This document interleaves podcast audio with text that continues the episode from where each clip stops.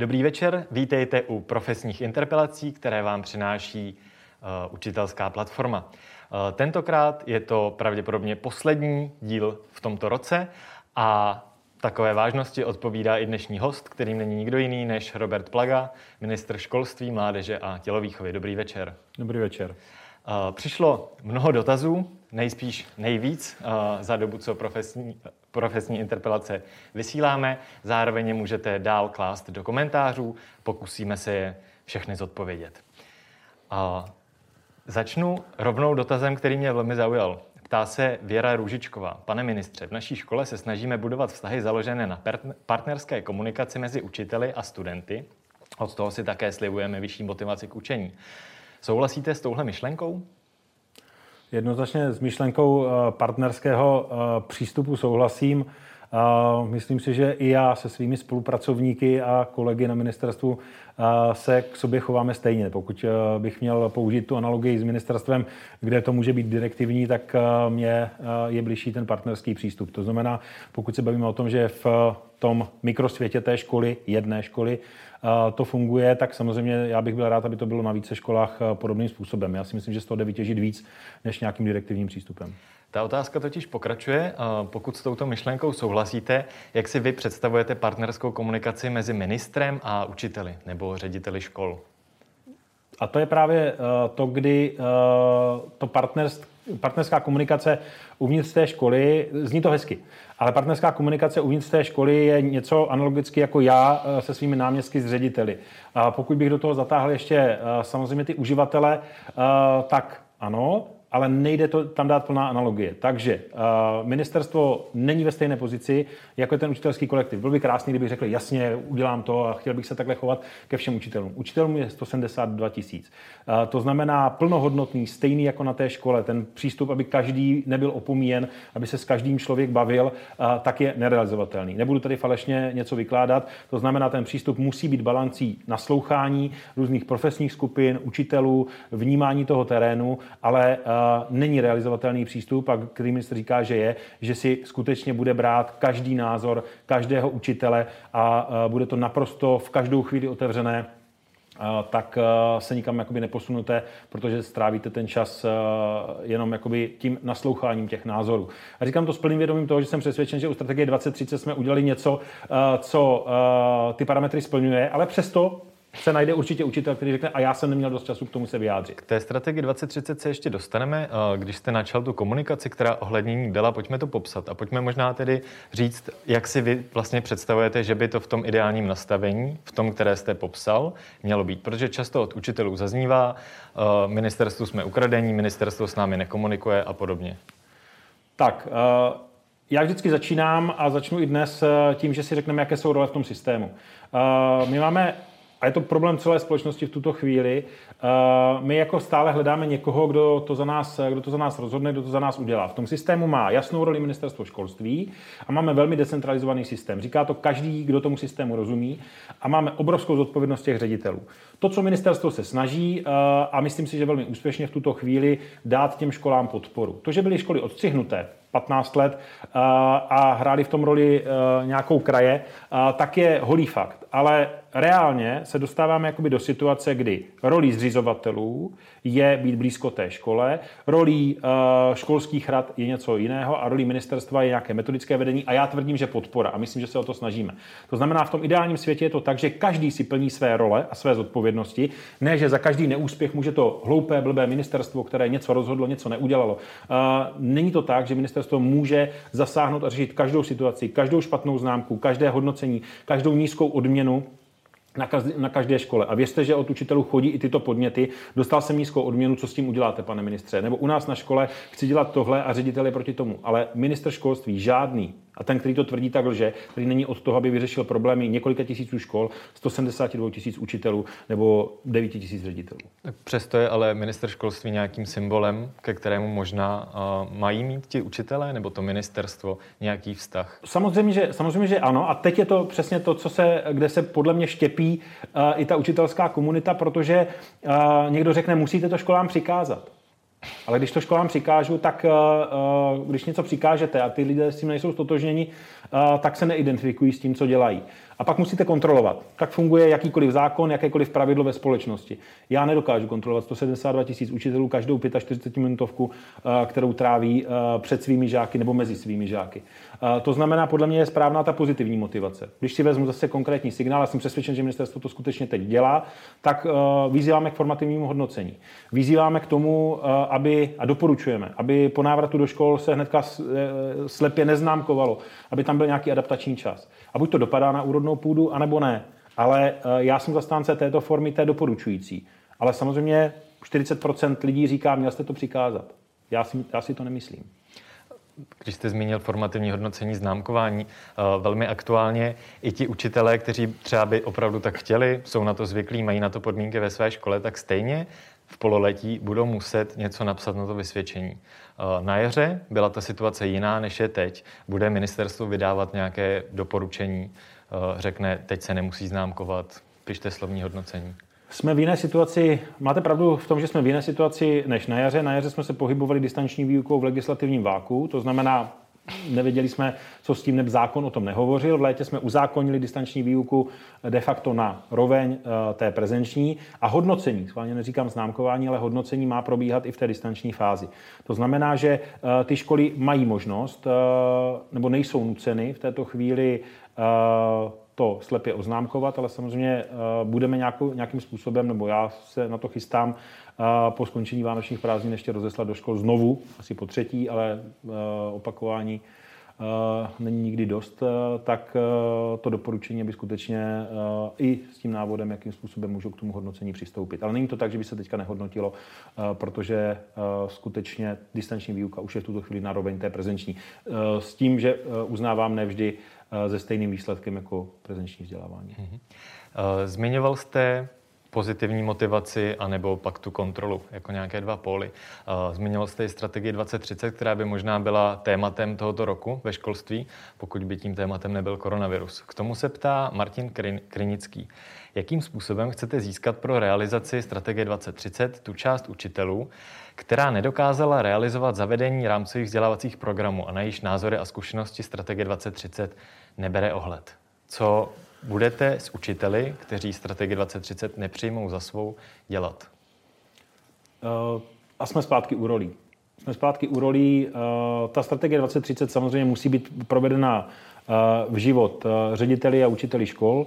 Ředitelé jsou ti hybatelé změny. Pokud nemám páku na 172 tisíc učitelů, a tu nemám, tak je možnost efektivněji pracovat s řediteli škol, teď je řádově míň. Samozřejmě, že eh, to, co může přesvědčit učitele, ty, které, kteří chtějí být přesvědčeni, protože nevím, jestli ten dotaz směřoval na ty, co to, co to odmítají, nebo na ty, eh, kteří jako chtějí být a mohou být přesvědčeni.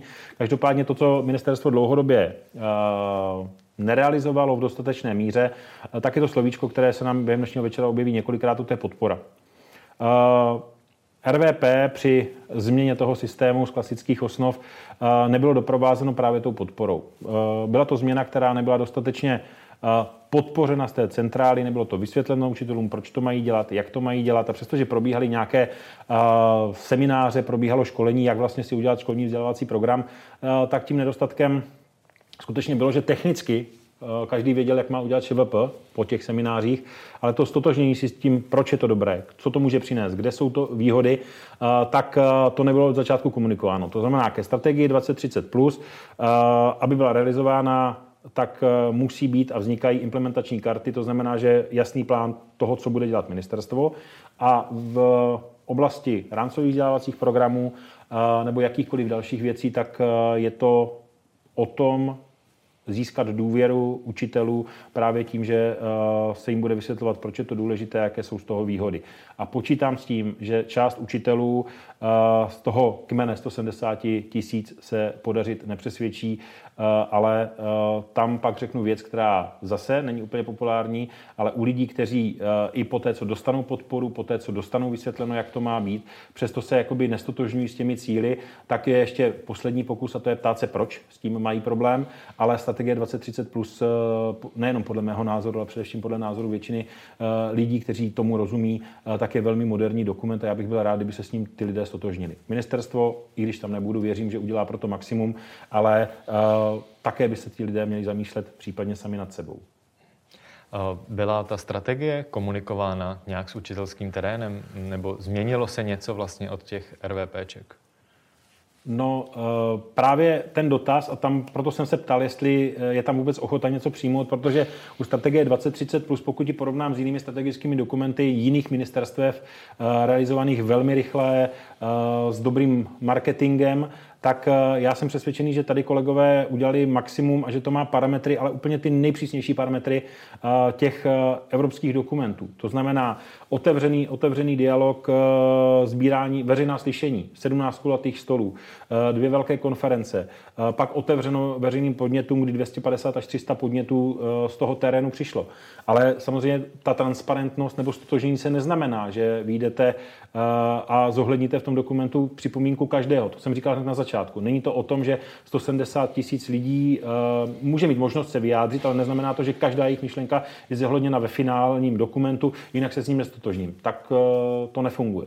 To znamená, ten proces byl dlouhý, byla tam externí skupina pod vedením pana profesora Veselého, byl tam Daniel Prokop, ale i Stanislav Štech a další odborníci, kteří udělali ty výchozí teze. Mám za to, že bylo konstatováno, že se ministerstvo v tom zpracování dokumentu od nich zásadně neodchýlilo, což taky někdy v minulosti úplně tak nebylo a celý ten proces byl otevřený. Takže v podstatě v té fázi 1 nebo chcete-li fázi 0, tak mám za to, že to splňovalo ty nejpřísnější kritéria a teď je to o té další komunikaci těch jednotlivých cílů a v podstatě e, toho provedení, což je ale otázka nejtěžší, že strategické dokumenty jako Česká republika umíme dělat e, velmi dobré už od Bílé knihy, ale to bych se opakoval.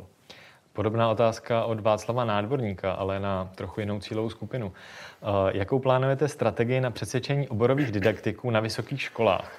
Že je třeba v jednotlivých oborech RVP, ZV redukce vzdělávacího obsahu. Eh, jak se ta redukce bude dělat? Eh, PS píše pan zástupce, redukci opravdu fandím.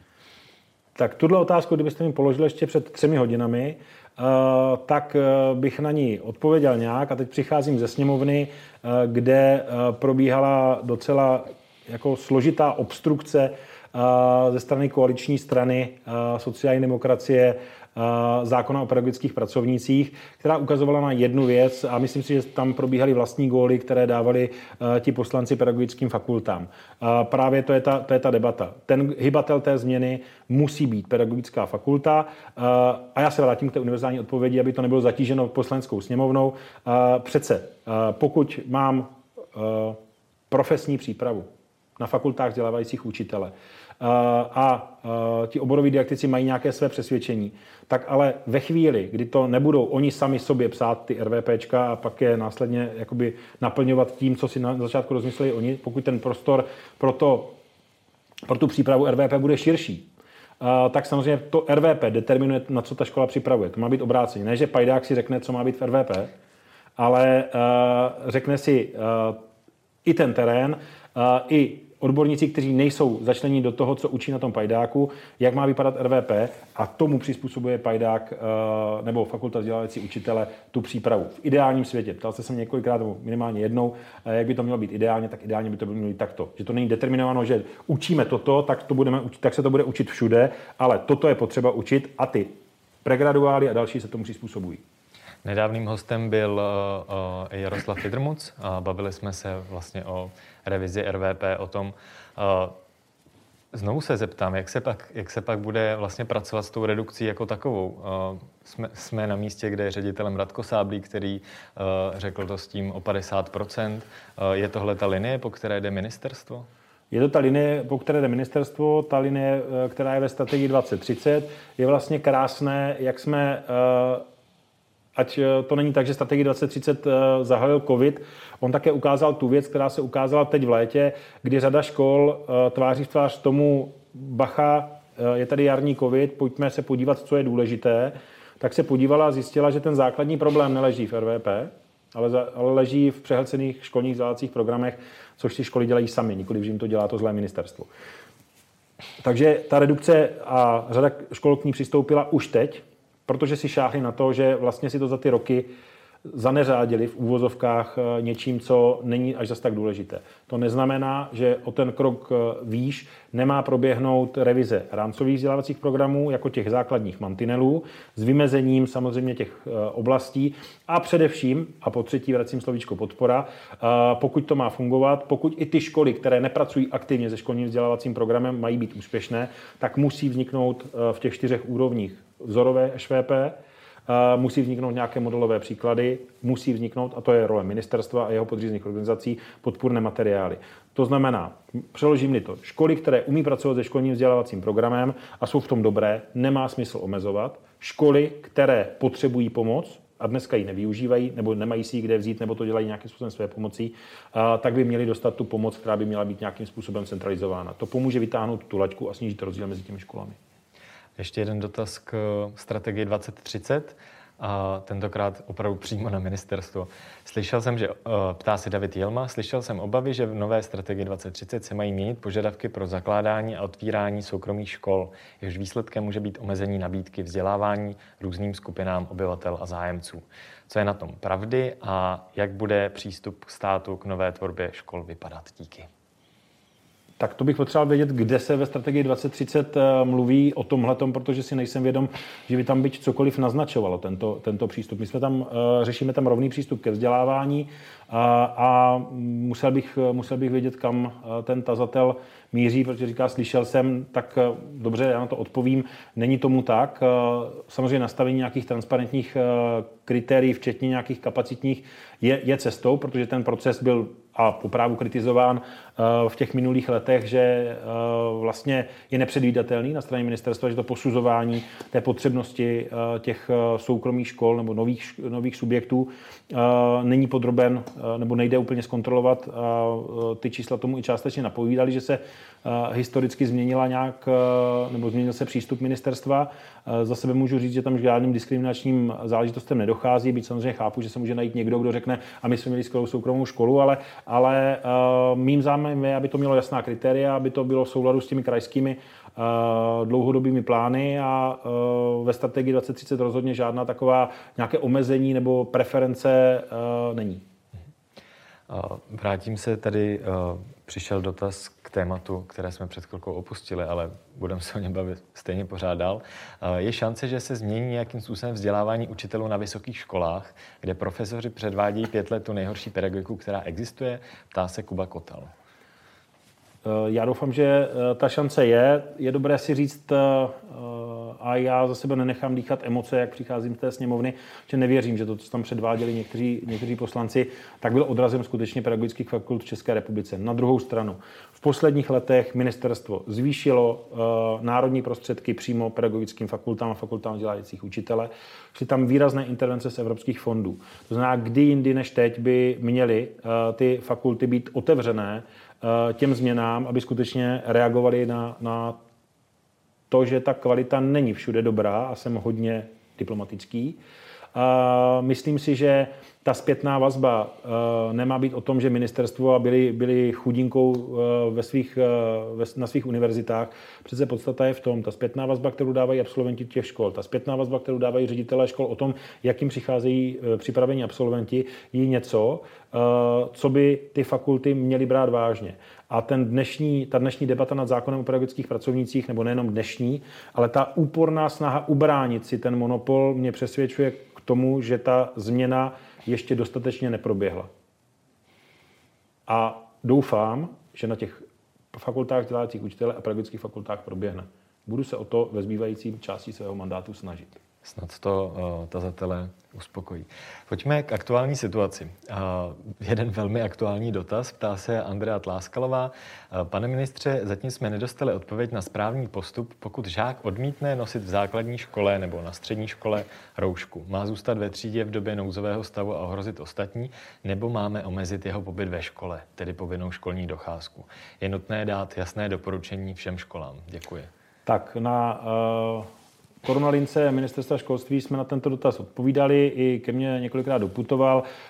Ten nebo ta pozice ministerstva je následující. Skutečně tady se mísí právo na vzdělání, ale pak je tady také povinnost chránit zdraví a bezpečnost, bezpečnost žáků.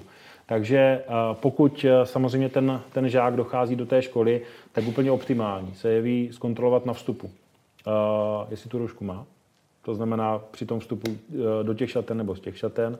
A zcela jednoznačně, já jsem říkal, že nebo jsou dvě varianty.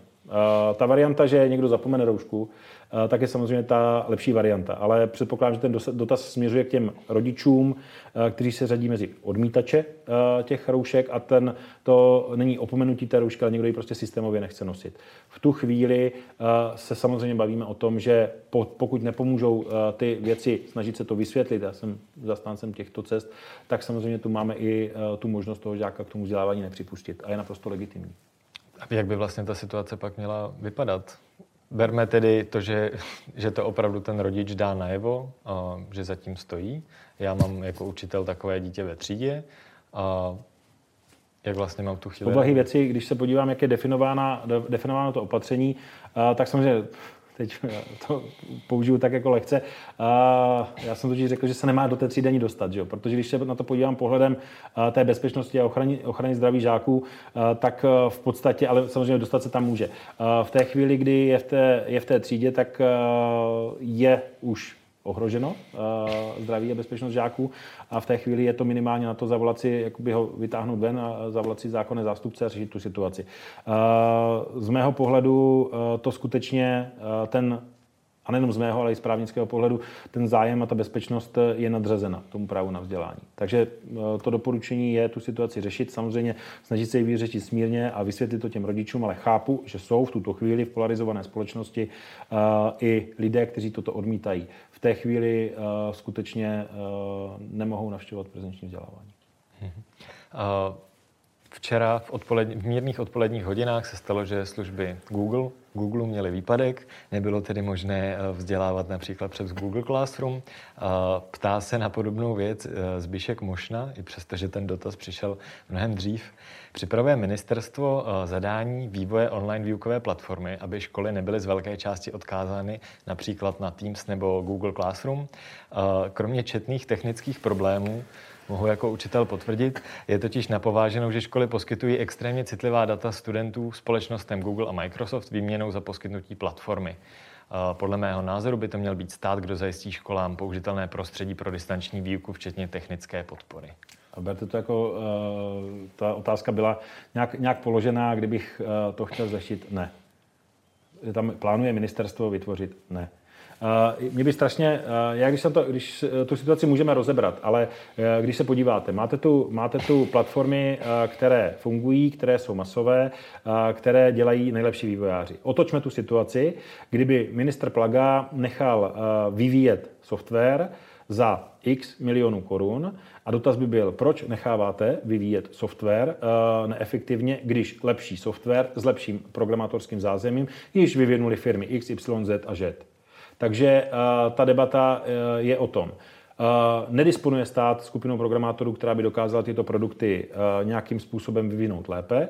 Pokud bych dával zakázku, tak ji stejně dávám některé z firm, Eh, na základě soutěže programátorských, takže to může někdo dostává data nebo že někdo vyvíjí zdrojové kódy a může tam mít nějaký backdoor, eh, kterými si te, ta data tahá, tak eh, tomu stejně neutečete. Takže komplexní odpověď, odpověď pardon, je ta, že neuvažujeme o tom, že bychom se snažili vytvořit lepší nástroj než Microsoft Teams nebo Google.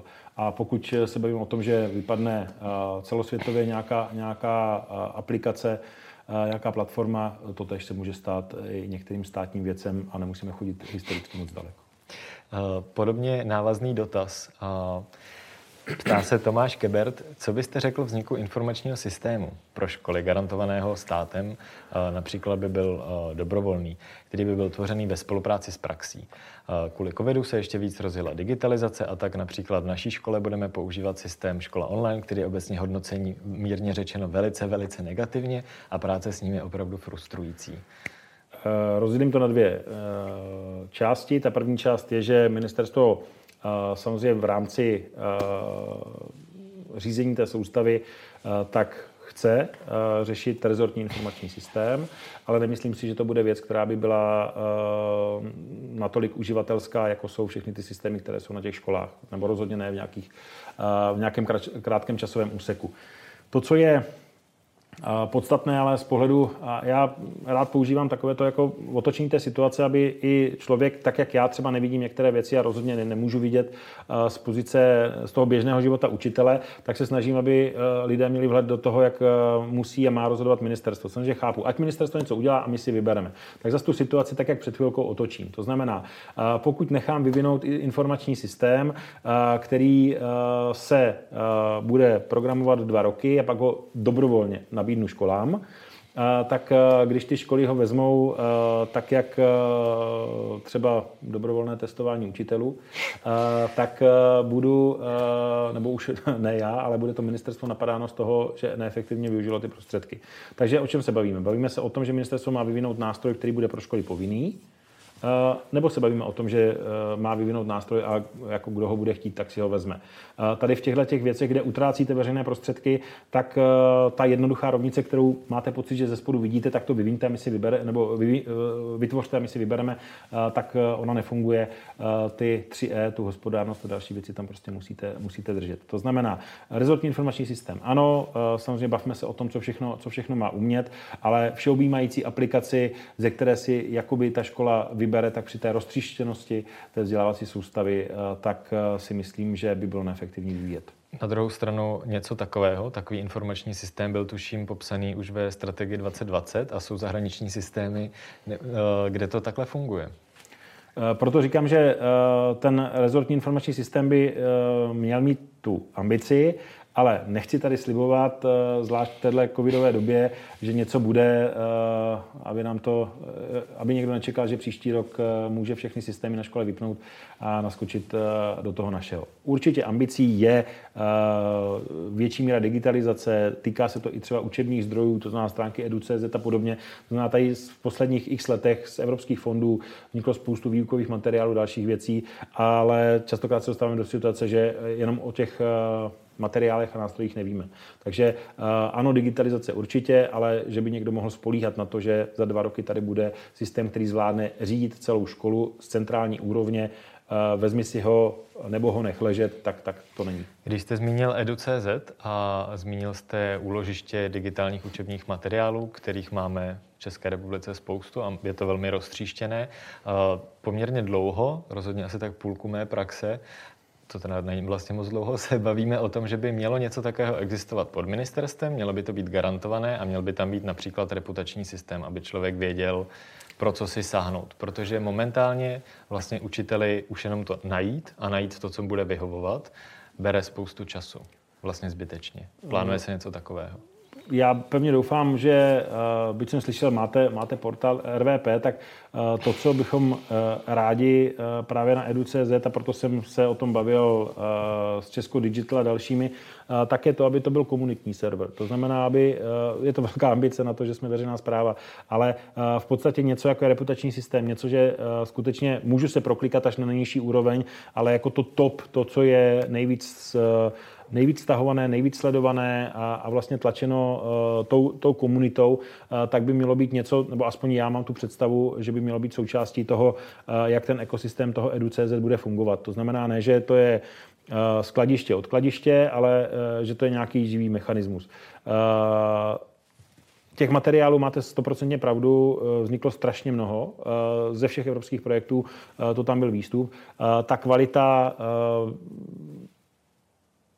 se nedá srovnávat eh, nějakým způsobem eh, a žijeme ale v době, která je charakteristická přebytkem informací. Ne nedostatkem, ale přebytkem. To znamená najít tu správnou informaci, ten správný zdroj. Eh, já pevně doufám, že se podaří na základě toho, že to poskytnete té komunitě a ta s tím nějakým způsobem pracuje, tak že to bude další z těch faktorů podpory, které ministerstvo do toho systému zavede. Ne, že tam prostě práskne do toho, jak bylo OPVK, tak tam všechny ty materiály samozřejmě na tom úložišti evropských fondů jsou, ale kdo by se v tom vyznal?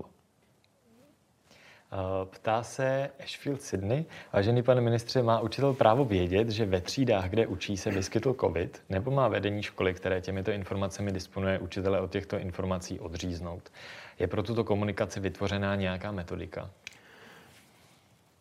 tak já si nedokážu představit situaci, že ředitel školy nekomunikuje s pedagogickým pracovníkem, eh, že se ve třídě vyskytl, vyskytl COVID. To jako mně přijde samo o sobě proti tomu principu partnerství, o kterém jsme se bavili u otázky číslo jedna. To znamená, jako metodika, metodika, kterou jsme chtěli pro krajských hygienických stanicích, tak byla o tom, jak se chovat a jak, bude, jak se má postupovat v případě výskytu covidu na školách. To jsem chtěl 1. září, uh, 5. září nebo 6. Uh, to zdravotnictví zveřejnilo. To, co mě mrzí, je, že dostávám informace z terénu, že ani v tuto chvíli ty KHS, krajské hygienické stanice, podle toho častokrát nefungují a nechávají ty školy ve váku a vlastně přenášejí tu zodpovědnost za vyřešení té situace na ředitele.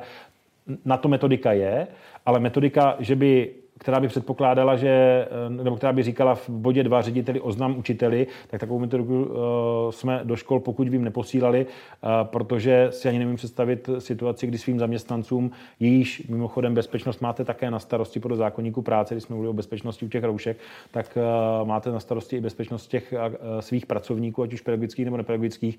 To znamená, tuhle informaci by měli vědět samo sebou. Tečka. Uh. Téma také časté a vlastně a rovnou položím tu otázku. Ptá se Petra Mazancová, jak se chce stát řešit nedostatek učitelů. Má ministerstvo nějaké demografické projekce, kolik učitelů v jakých aprobacích bude chybět a například, jak to teď ovlivnil COVID a to vlastně, že zažíváme nějakou úplně jinou výuku. Je to poměrně frustrující učit online a podobně. K tomu se ještě ptá Vojtěch Hála, chceme-li kvalitnější výuku, je třeba menší počet žáků na učitele, jak toho lze dosáhnout, když vlastně pořád máme nedostatek učitelů?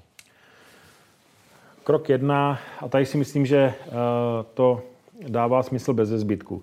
Tak eh, jakým způsobem, eh, nebo jestli víme, že máme málo učitelů? Ano, ministerstvo si nechalo zpracovat mimořádné šetření, už je to teda dva roky zpátky, které ukazovalo právě ten vývoj, jak se budou právě ve vazbě na demografii, jak se bude vyvíjet nedostatek učitelů v českých školách. Z toho jsme vycházeli i při formulaci zákona o pedagogických pracovnících, který je teďka ve sněmovně. To, co má přilákat více lidí z pedagogických fakult a fakult vzdělávajících učitele, tak je velmi dynamické a poprvé v historii reálné přidávání platů učitelů to ne, není o chvástání, to je o holých datech. Prostě reálně tahle vláda, otázkou je, jestli zítra projde rozpočet, pokud ano, tak je tam 9% nárůst e, platů a je tam ten 150, 150% e, té hodnoty roku 17, to na 50% během 4 let. Přestože, a to se možná často v covidu zapomíná, přestože z toho projektovaného růstu jsme teď v období velkého propadu, tak ten závazek je tam propsaný. To znamená, jestli někdo si přeje, aby zítra rozpočet hodně prošel, tak jsem to já jako minister školství, který tam má ten, ten nárůst. To zvyšuje atraktivitu. To znamená, více lidí do toho systému se dostává přes ty, přes ty peníze peníze. V tuto chvíli v covidové době se a je to anekdotické, je to asi od čtyř ředitelů, ale začíná se hlásit více lidí, pokud jsou výběrka, uh, taky jakoby větší zájem o ty pozice.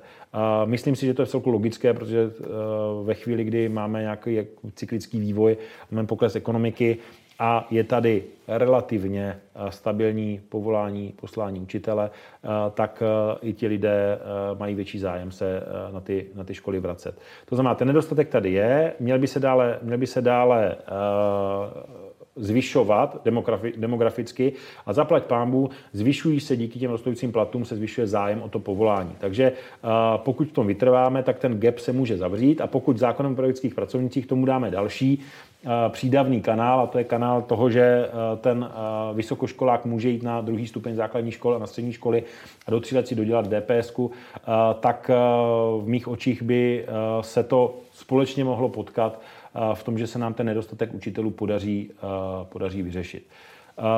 Co s počtem žáků ve třídách? No zase v covidovém oblaku zaniklo to, že když se na ministerstvo přicházel, tak změna financování regionálního školství byla napsána v zákoně, ale v těch deskách bylo prázdno.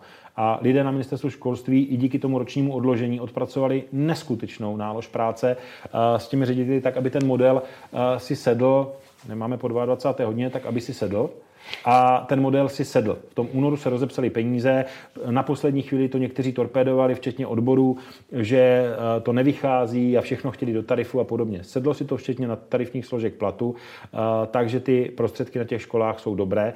A to kouzlo toho celého systému je skryto v těch PH maxech, počtech hodin maximálních, které už nenutí ty školy jakéhokoliv typu, tolik tlačit na to, že s každou hlavou přicházejí peníze a proto ty třídy musí být narvaný až e, po okno a po dveře a po střechu, ale e, můžou e, stáhnout nohu z toho plynu, protože se dostanou v rámci těch rozsahů na počty lepší, počty žáků ve třídách lepší než před tou změnou financování. To znamená, tohle je cesta, jak tomu ulevit a jak zvýšit kvalitu v českých školách. Byť teďka samozřejmě na to sedl mrak distančního vzdělávání covidu. Když se bavíme o financích, dotaz Petra Máleka. Eh, lze nastavit, aby finance určené na provoz škol, které jdou na obce a města na žáka, byly nastaveny jako vázané prostředky na oblast školství? Myslím, že se stále využívají, využívají zřizovatelem na jiné účely než je školství. Skvělý dotaz, eh, který trefuje eh, tu achilovu šlachu, protože ano, já jsem si ještě před covidem nechal udělat tu statistiku a je to tak, že obce mají rozpočtové určení daní a když se bavíme o tom, o počítačech ve školách, o provozních výdajích škol, eh, tak eh, je fajn říct, že v rámci toho balíku rozpočtového určení daní, díky tomu, že mají tu školu, díky tomu koeficientu, který tam na to je, tak v roce 2019, ještě před covidem, šlo 14 nebo 14,5 miliardy. Eh, do obcí právě na tyto eh, výdaje a zpátky vůči státní pokladně vykázely něco málo přes 10 miliard. To znamená, eh, jestli někdo nedofinancovává a vždycky slyšíme ministerstvo něco, u nás na škole to nějaké, tak jsou to ty zřizovatele. Neříkám všichni, jsou města, která přidávají víc, než by musela, ale je řada měst a nebo malých obcí, které to nedofinancovávají. Otázka zněla, jestli s tím jde něco dělat. V rámci toho, pokud to bude určeno v rozpočtovém určení daní, tak daň je neúčelová platba, to znamená, je to balík, který ta obec může utratit, jak chce ale tady jsme u těch rolí, mělo by to procházet na úrovni obce veřejnou kontrolou a jsme u zastupitelstva těchto, těchto rolí, protože bych se asi měl dívat, pokud chci mít kvalitní služby v té obci, tak bych měl kontrolovat, jestli to do těch škol dávají nebo nedávají. To, jestli se to na, těch, na úrovni těch obcí děje nebo ne, tak to je možná jako uh, problémem a nějakým, nějakým nedostatkem uh, ve, veřejného vládnutí či výkonu věcí veřejných eh, v České republice. Ale skutečně, pokud to bude v RUDu, tak není nástroj, jak, jim to, zavázat, jak to těm obcím zavázat. To by muselo mít formu dotace eh, anebo nějakého jiného účelového zavázání. Zmínil jste PH Max, k tomu dotaz od Michaely Segmanové. Tandemovou výuku nyní platíme ze šablon. Když nebudou šablony, počítá se nějak se zohledněním tandemové výuky v systému financování, například zvýšením PH Max školy v případě, že škola realizuje tandemovou výuku?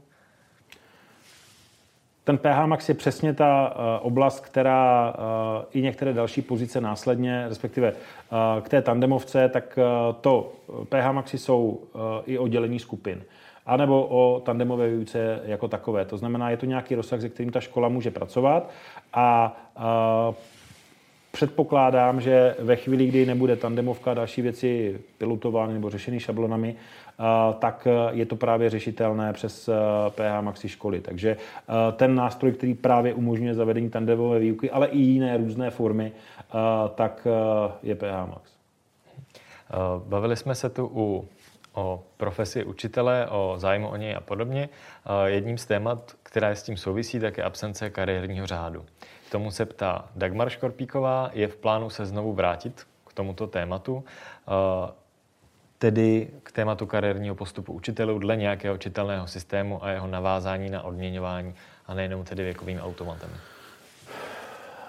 Co se týká kariérního řádu, eh, tak to právě byla, eh, byla ta věc, která zhořila v roce 2017. za mě a naprosto upřímně v tuto chvíli kariérní řád není něco, co by bylo realizovatelné do konce funkčního období této vlády, protože pokud bychom se bavili o nějakém robustním celonárodním systému, tak bych to buď musel vytáhnout ze šuplíku a ani tak by to neprošlo sněmovnou do konce volebního období, a, a nebo bych mohl tak maximálně zahájit celonárodní debatu. To, co je ale důležité a leží schováno, to, znamená kariérní řád v tom starém provedení je v tuto chvíli mrtvý nebo, nebo u ledu. To, co ale je o rozvoji těch učitelů jako takových na té škole, tak třeba leží teď v tom zákoně o pedagogických pracovnících, protože pozice uvádějícího učitele a adaptační období je něco, kdy mám pocit, že to splňuje ty prvky rozvoje toho učitele, nějakého toho prvního, dejme tomu, atestačního stupně a v podstatě rozlišuje na té škole někoho jako uvádějící učitele, to znamená, je tam i nějaký ten princip uh, té seniority, nemyšleno uh, dobou fungování na škole, ale zkušenostmi. To znamená, prvky kariérního řádu v tom systému, pokud projde zákon o pedagogických pracovnících, tak se objeví. To znamená nejenom, že se to objeví ty pozice, ale i prostředky dané na tu školu, eh, na tuto pozici. A chcete tedy můj osobní názor, tak já si nemyslím, že v tuto chvíli nějaký centrální nástroj, kde byste ve třetí úrovni měl uh, pražský board, který by rozhodoval o tom, že se stanete uh, jako tím nejvyšším pomazaným, uh, by jako by dával smysl tak trošku nadneseně, eh, ale reaguju na to, že eh, nějaký centralizovaný systém v tuto chvíli rozhodně na stole není. K tomu se ptá uh, Milouš Kašpar. Uh, rád bych se zeptal, kdy budou mít ředitelé škol větší kompetence k odměňování kvalitních pedagogů. Tabulkové platy tomu příliš nepomáhají, uh, motivace je pak minimální. To by mě zajímalo, ze které školy, abych věděl tu konkrétní situaci té školy, protože kompetenci k odměňování ředitel má a vždycky měl. To, co neměl k odměňování, tak byly ty e, netarifní složky platu, tedy ten balík, ze kterého může odměňovat. Protože mu e, díky tomu, že rozepsal tarifní složky mzdy, tak mu zůstávalo málo na odměňování učitelů. Vracím se střihem ještě do roku 2019, do starého způsobu financování, respektive do roku 2018, e, kdy jsme i z porovnávacích studií viděli, že většina těch platů je v nárokových nebo na tarifních, ale nárokových složkách platu a na odměny zůstávalo málo. A ten prostor jsme se v letech 19, 20 a 21 snažili významně zvětšit, aby na školách zůstal velký balík peněz na tarifní složky platu, tedy aby tu kompetenci, kterou ředitel má, mohl i vykonávat. A ty informace už minulý rok, z konce roku, i z konce roku letošního jsou takové, že na ty odměny, na ty na tarifní složky platu eh, je tam prostředků dostatek, tedy ředitel tu svou kompetenci v odměňování eh, může eh, v tuto chvíli vykonávat. To, co je eh, důležité a ještě nenastalo, a využiju této chvíle, abych apeloval, pokud následují některý ředitelé, tak samozřejmě, že ten cíl není nechávat ty odměny na půlku roku, respektive na, je, na konec a pak dávat monstrózní odměny, ale to vybudování té důvěry, byť vím, že to je těžké, ale již třetím rokem po sobě se nám daří ty peníze tam dostávat, tak zase pokud bude schválen ten rozpočet v tom objemu, v jakém bude, tak by bylo také dobré, aby to šlo do osobních příplatků. Já chápu, že ředitelé nechtějí dávat, ale ve chvíli, kdy ten systém skutečně máme nastavený a není to tak, že jeden rok je to nahoru, druhý rok dolů, eh, tak bych si myslel, že už a je tady změna financování, která si sedla, tak jak jsem řekl, tak bych očekával a i prosil ředitele, aby nečekali s těmi odměnami, aby trošku zohlednili tu kvalitu nebo to, co ten tazatel se na to ptal, eh, nejen v těch jednorázových odměnách, ale i v osobních příplatcích těch jednotlivých lidí. Nebavíme se ve škole pouze, nebo ať se nebavíme ve školách pouze o učitelů, učitelích, ptá se Ondřej Lněnička. Vážený pane ministře, v jaké fázi se nachází parametrizace profesí, jako je školní psycholog, speciální pedagog či asistent pedagoga? Například šablony 3 finančně nepokryjí dvouletý plný úvazek psychologa a po jejich skončení by přišla škola o možnost jeho financování.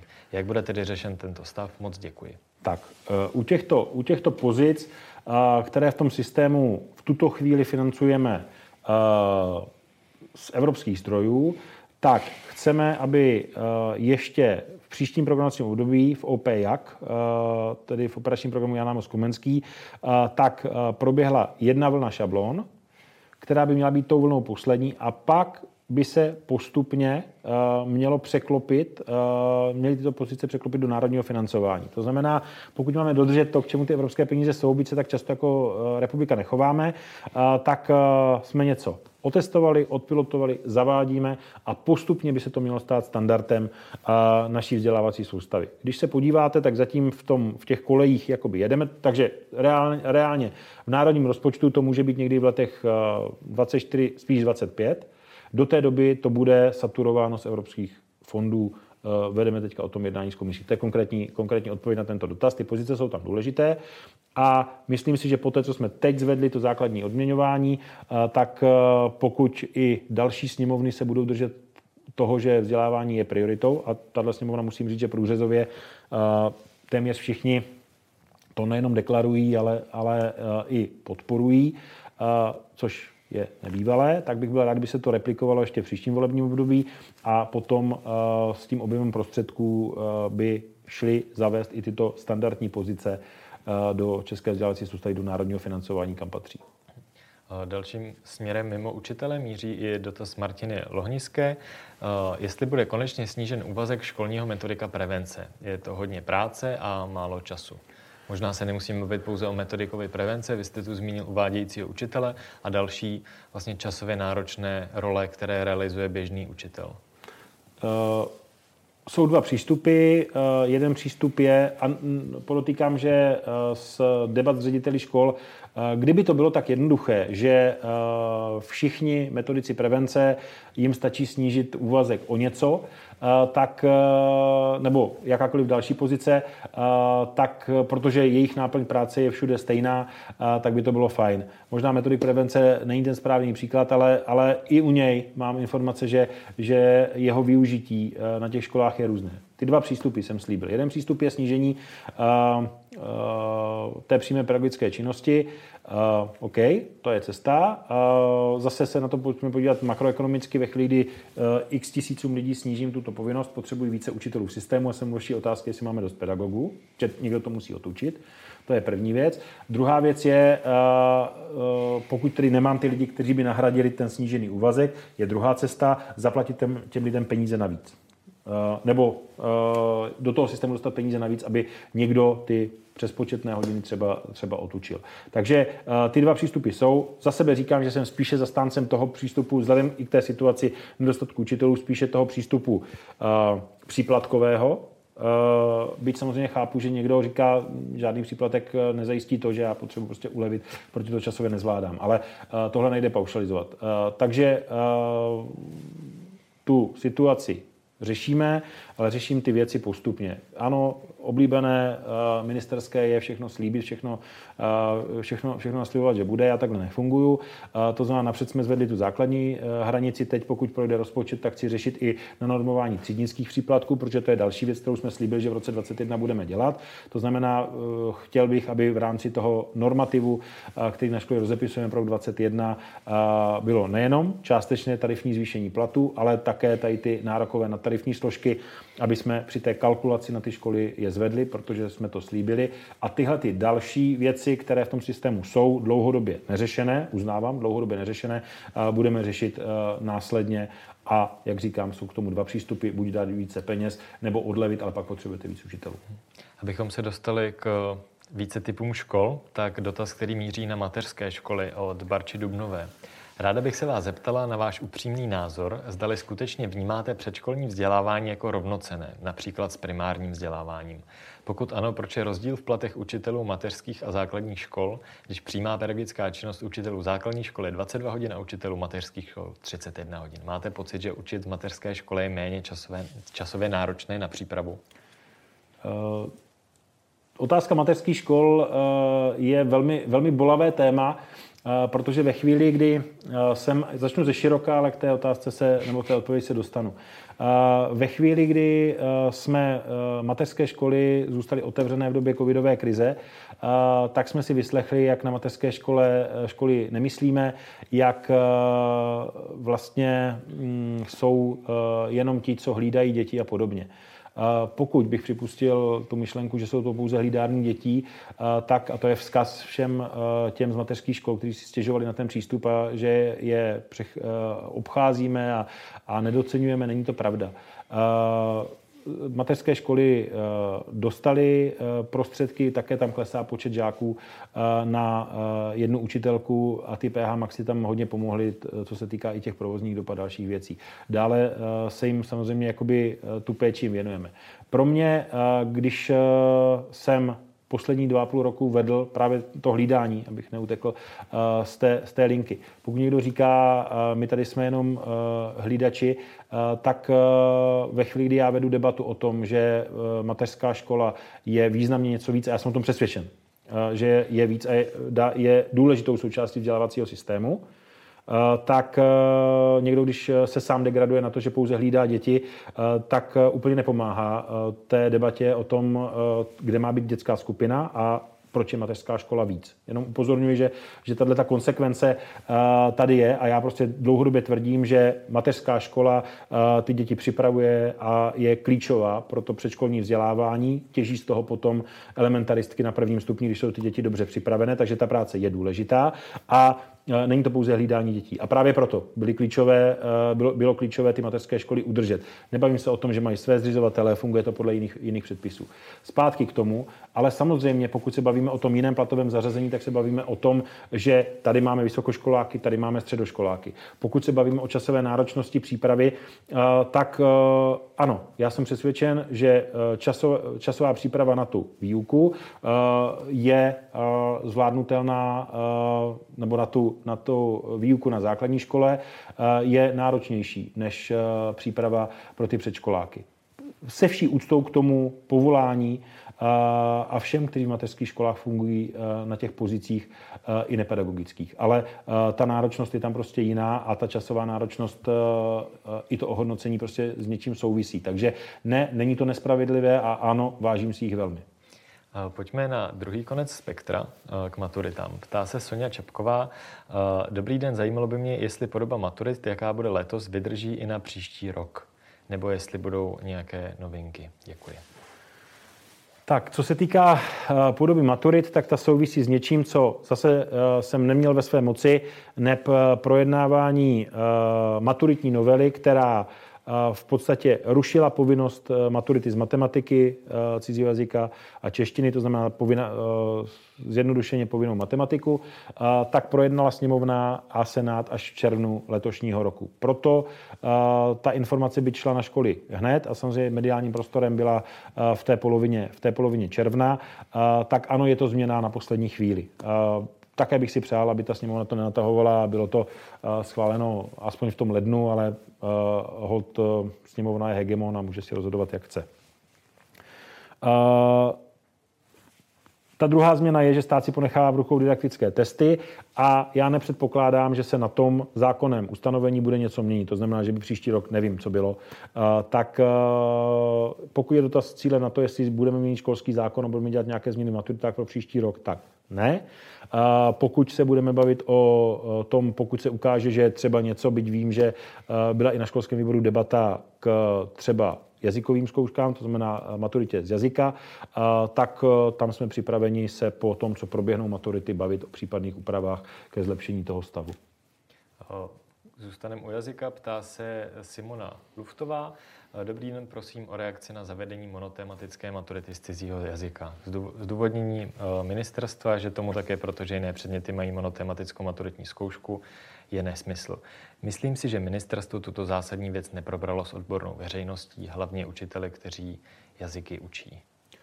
Tak, teď jsme v situaci, já jsem to naznačil v té předchozí odpovědi, aniž jsem věděl, že se mě na to zeptáte, uh, tak... Uh, je to dotaz, který přišel teď z Facebooku. Tak. Uh, ano, eh, bylo to, řešeno, bylo to řešeno i na eh, školském výboru. Eh, v tuto chvíli, tak jak jsem já viděl i tu metodiku, která odešla do škol, a to ne na poslední chvíli, ale s dostatečným předstihem, tak se tam hovoří o nějakých 20% v rámci právě těch, těch témat, které tam jsou. Na druhou stranu vnímám především od jazykářů, ta zpětná vazba nebyla úplně od ředitelů škol, s těmi to bylo probráno a ty v tom úplně problém neviděli, ale vnímám teď negativní hlasy těch jazykářů. Za mě tam ten prostor je, optimální to asi není a po té, co se maturity budou realizovat, tak to je přesně ta oblast, kde jsem připraven se prostě v průběhu června bavit o tom, jestli to teda šlo nebo nešlo, jestli v tom problém byl nebo nebyl a tu vyhlášku, nikoli v zákon, ale vyhlášku v této oblasti pro ten další rok eh, velmi rychle upravit tak, aby skutečně při nástupu prvního devátý příštího roku eh, v tom bylo jasno a pokud tam ten problém, nebo, nebo pokud to jde udělat líp, tak aby to pro příští rok bylo líp. A ještě k maturitám ptá se Sam Luděk Šnirch. Pane ministře, zajímalo, zajímalo by mě, zda se už připravuje a k jakému termínu změna struktury didaktických testů v státní maturity, konkrétně více od zatrhávání ABCD a od teoretických pojmů, spíše k formě, která ověřuje kompetence než jen znalosti, tedy v souladu s RVP.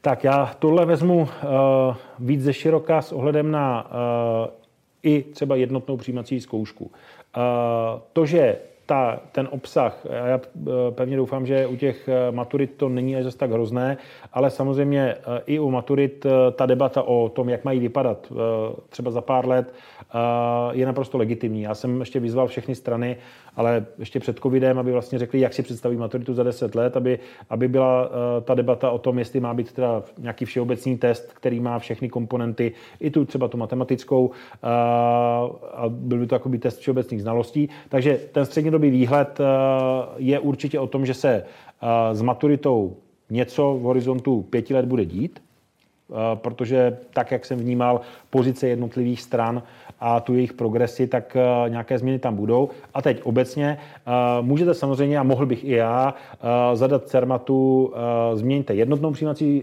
zkoušku uvnitř a změňte maturitu uvnitř tak, aby to bylo více, třeba u jednotné přijímačky, aby tam to bylo více o těch gramotnostech a aby tam byly složitější úlohy, které více ukážou schopnost používání, nikoliv jenom jakoby tu, tu znalost. Ale, a tady je důležité říct, že ty školy učí podle nějakých testů, připravují na to ty děti a teď, i když všichni víme, že to není správně, zase je to jako nepopulární to, co, to, co řeknu, ale když byste teď změnil skokově obsah maturity nebo čehokoliv jiného k lepšímu, tak nemáte na to připravený ten terén. Učitelé a přiznávají to, učí a připravují, nebo často tu výuku determinuje třeba příprava na jednotnou přijímací zkoušku nebo na tu maturitu a najednou to změníte. To znamená, ten proces nemůže být překvapivý a proto se nebude týkat jara 21 ale změny v tom obsahu výhledově být musí. Ptá se aktuálně z Facebooku Klára Koupská. Dnes byly na ministerstvu odeslány desítky případových studií vypracovaných soukromými školami na různá témata. Bude ministerstvo tyto studie číst a plánuje sdílet příklady dobré praxe? Ještě jsem to nečet, dnes byly odeslány, takže, takže dorazí a já a myslím si, že ani mý kolegové rozhodně nejsme hluší k těm podnětům z té praxe. Opět nedokážu říct, co tam je, co tam není, ale jakýkoliv dobrý nápad tak se hodí. Ale kam takhle, minimálně si to rozhodně já a kolegové prolistujeme a přečteme. Byl tam i ten, byl i druhá část té otázky, jestli ministerstvo plánuje nějak sdílet příklady dobré praxe a podobně. To je věc, po třetí používám slovíčko překryto covidem. Uh, jestli jsem uh, něco chtěl a chyběl mi v tom veřejném prostoru, uh, tak uh, je to sdílení příkladu dobré praxe a vytahování těch dobrých učitelů. Měl jsem to naplánováno, že to by měla být právě ta role, když jste se mě úplně na začátku ptal, jaká by vlastně měla být role toho ministerstva, ten partnerský přístup a jestli by ministerstvo nemělo být nebo minister tím symbolem, který vysílá nějaký signál učitelům, tak bez pochyby měl být. A příklady dobré praxe a poukázání na to, že eh, to, co možná v nějakém úzkém kolektu vypadá jako, jako chování, eh, kdy ten člověk něco zkouší a nemá ani odezvu u svých kolegů, tak vytáhnout to říct, tohle je fajn a ministerstvo vlastně tenhle směr a třeba formativního hodnocení, už jsme dneska zmiňovali, tak razí, tak je ten správný. To, co možná trošku uh, ty příklady dobré praxe, které jsem nějak systémově chtěl uh, šířit a uh, zveřejňovat, tak se nám vlastně vkradli do toho každodenního, do těch apelů na ty školy, protože jak formativní hodnocení, tak individuální přístup k žákům při tom distančním vzdělávání se nám do těch doporučení ministerstva vlastně do těch pastýřských listů vlastně dostali. Takže odpověď na otázku, ano, příklady dobré praxe ministerstvo hrozně rádo bude šířit. Měla by to být role ministerstva další z jeho podpůrných rolí. Poslední dotaz, který jsem si nechával nakonec, ptá se Jana Chalupová Hlávková. Pane ministře, zajímalo by mě, co vnímáte jako svůj největší triumf na postu ministra v období pandemie. V období, uh, netěžší dotaz nakonec, uh, období pandemie neexistuje žádný triumf. Uh, nemá to znít uh, nějak uh, poníženě nebo zase, zase, zase vzneseně, ale uh, to, co s kolegy x měsíc po sobě řešíme, tak vlastně uh, já můžu být nešťastný z toho, že uh, si nikdo pořádně nevšiml, že se podařila reforma. Byl by to triumf, ale ve covidové době. Strategie 2030 všeobecně vnímaná. Byl by to triumf bez covidové době. Covidová doba, která začala v březnu tohoto roku, je rámována tím, že když uděláte téměř cokoliv, eh, tak eh, vás 42 až 55 eh, lidí za to nepochválí a když uděláte nějaké střední řešení kompromisní, tak vám vynadají obě dvě ty skupiny. Všechny věci v škol, ve školství v období pandemie uh, jsou uh, 62-38 byl největší rozdíl, kterého jsme v nějakých průzkumech nebo anketách, tuším, že to někde měla asociace ředitelů základních škol dosáhli. Jinak všechno je to de facto štípnuto na půl a triumf tam nemůže být žádný, protože řešíte krizovou situaci a vybíráte uh, to nejméně bolestné z těch špatných řešení. Takže já tam žádný triumf nevidím, ale vidím tam obrovskou, obrovské odhodlání a uh, obrovsko, obrovský objem práce odpracovanými kolegy